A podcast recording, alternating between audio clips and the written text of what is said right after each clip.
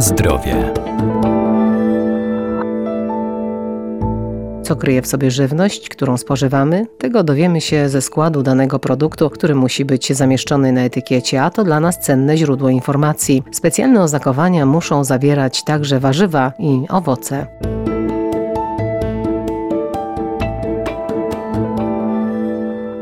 Artykuły spożywcze, które kupujemy, powinny być dokładnie oznakowane. Na etykiecie muszą się znaleźć takie dane jak skład danego produktu, warunki przechowywania czy terminy ważności i przydatności, a w przypadku warzyw i owoców także kraj ich pochodzenia.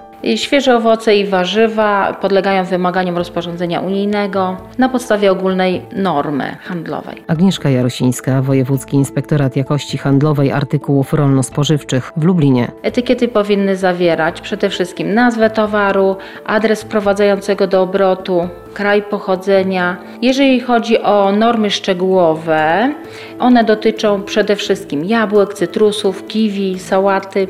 Norma szczegółowa obowiązuje takie produkty jak jabłka, cytrusy, nektarynki, gruszki, truskawki, papryka, winogrona.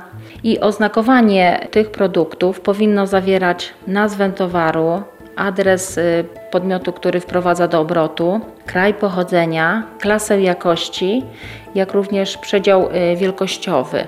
A dla niektórych y, asortymentów, takich jak na przykład jabłek, podaje się również odmianę, a dla pomidorów podaje się również ich typ. W przypadku ziemniaków oferowanych do sprzedaży luzem, w pomieszczeniu sprzedaży na wywieszce muszą e, znajdować się informacje dotyczące e, nazwy towaru, adresu podmiotu, który wprowadza dany towar do obrotu i jak również e, przede wszystkim powinien być podany kraj pochodzenia wraz z wizerunkiem flagi państwa pochodzenia. Na etykiecie ziemniaków opakowanych dodatkowo powinny znaleźć się takie informacje jak warunki przechowywania, masa netto, jak również numer rejestracyjny podmiotu przyznany przez przez Państwową Inspekcję Ochrony Roślin i Nasiennictwa. Jeżeli ziemniaki pochodzą z krajów trzecich, to znaczy y, spoza krajów Unii, na wywieszce powinna być zamieszczona flaga danego kraju.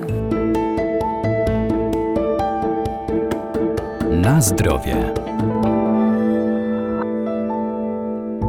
Obowiązkowo na etykiecie żywności powinna się znaleźć także nazwa wskazująca na rodzaj produktu, wykaz alergenów czy procentowa zawartość danego składnika. Na etykietach powinny być uwzględnione nie tylko nazwa żywności, ale również wykaz tych wszystkich składników, które zostały użyte do wytworzenia danego produktu. Powinna być podana ilość netto żywności, nazwa i adres firmy, która produkuje dany wyrób. Jeżeli chodzi o przetwory mięsne, kraj pochodzenia dodatkowo. Jeżeli chodzi o produkty, które są sprzedawane luzem, to informacje dotyczące danego produktu znajdują się w sklepie, powinny znajdować się w sklepie i powinny być udostępnione y, konsumentom. I etykiety powinny zawierać składniki, czyli wykaz składników, gdzie producent powinien y, zamieścić y, informacje odnośnie surowców, które są użyte do wytworzenia danego produktu w kolejności malejącej. Tak, na pierwszym miejscu musi się znaleźć składnik, którego użyto najwięcej ilościowo. Procentową zawartość składnika charakterystycznego podaje się po to, aby konsument mógł odróżnić dany wyrób od produktów, z którymi mógłby być mylony, ze względu na ilościową zawartość tego składnika. Na przykład, jeżeli mamy e, kiełbasę wieprzową, to powinna być podana procentowa zawartość mięsa wieprzowego. Jeżeli jest kiełbasa drobiowa, to procentowa zawartość mięsa drobiowego, tak aby konsument mógł wybrać produkt z większą zawartością zawartością mięsa.